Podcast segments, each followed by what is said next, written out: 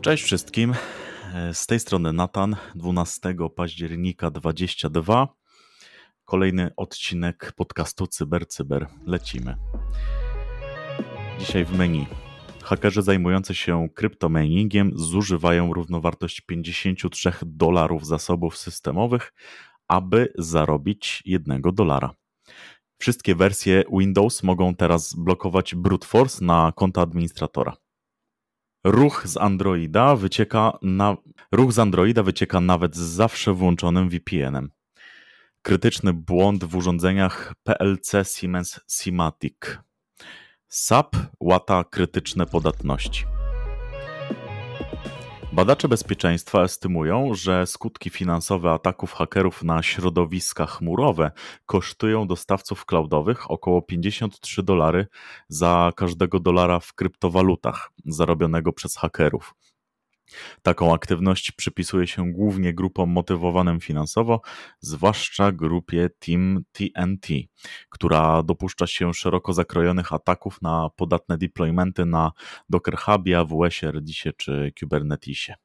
Hakerzy wgrywają zmodyfikowane obrazy systemów operacyjnych zawierające minery kryptowaluty Monero, która, jak wiemy, jest zorientowana na prywatność no i trudności w śledzeniu transakcji.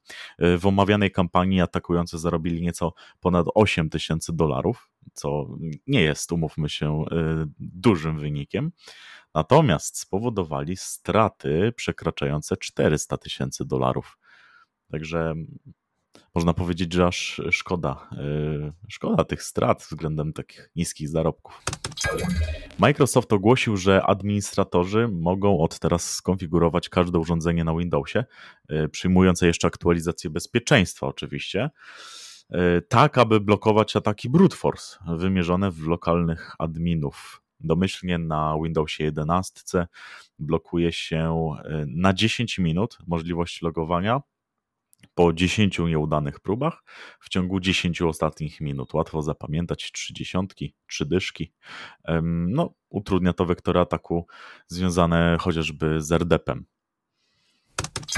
W Mulvad VPN odkryto, iż ruch na urządzeniach Android wycieka za każdym razem, kiedy urządzenie łączy się z siecią Wi-Fi. Nawet jeżeli opcje blokowania połączeń bez VPN lub e, VPN zawsze włączony są aktywne.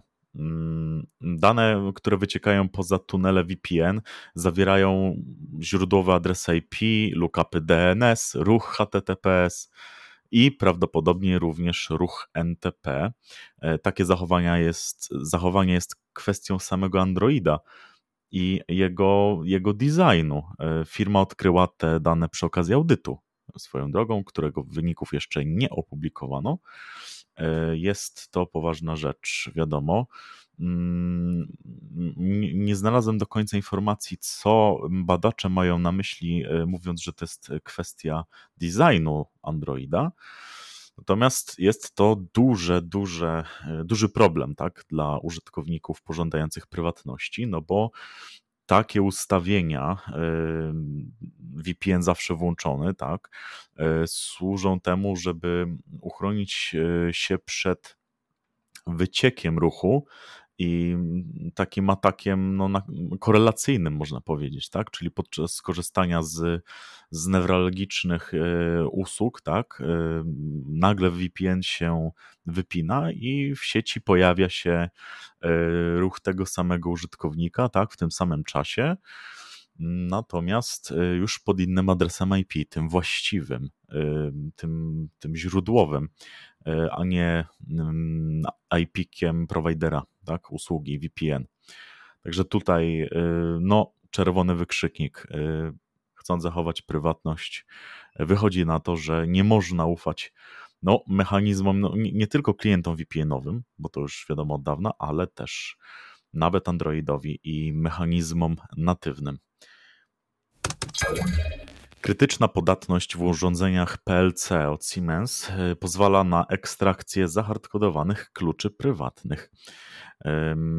Raport Clarity wskazuje, że może wykorzystać, że można wykorzystać, przepraszam, te klucze do zaatakowania urządzeń Simatic oraz TIA Portal też, y, omijając w ten sposób wszystkie cztery poziomy bezpieczeństwa, które y, no, projektanci z Siemensa tam przewidzieli w tym TIA portalu.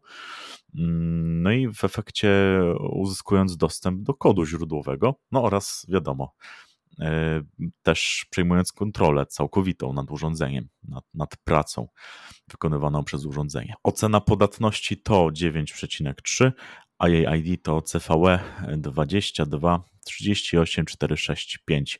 Łata została wypuszczona wczoraj. E, to jest 11 e, października 22. Siemens podaje, iż ryzyko wykorzystywania kluczy prywatnych e, przez atakujących jest coraz większe, a wynika w ogóle z możliwości podglądania takich kluczy przez dedykowane oprogramowanie. E, no nie wiem, czy to jest security by design.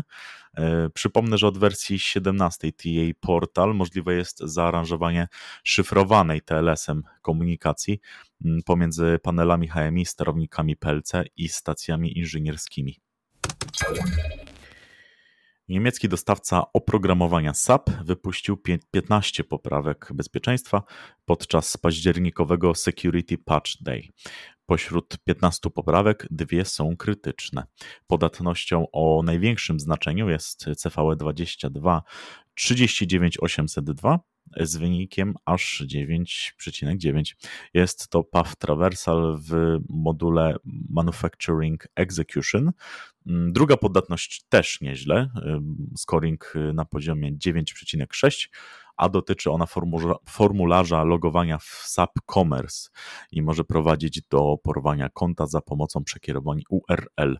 Nie były wymagane żadne uprawnienia do tego ataku, a jedynie akcja ze strony użytkownika. Jest tego więcej. E, to też administratorów e, zapraszam do latania, a ciekawskich do raportu. Jest też buffer overflow. E, dawno nie widziałem w takim raporcie. Cóż, tyle, tyle na dzisiaj. Bardzo wszystkim dziękuję za uwagę i dobrego dnia. Pozdrawiam.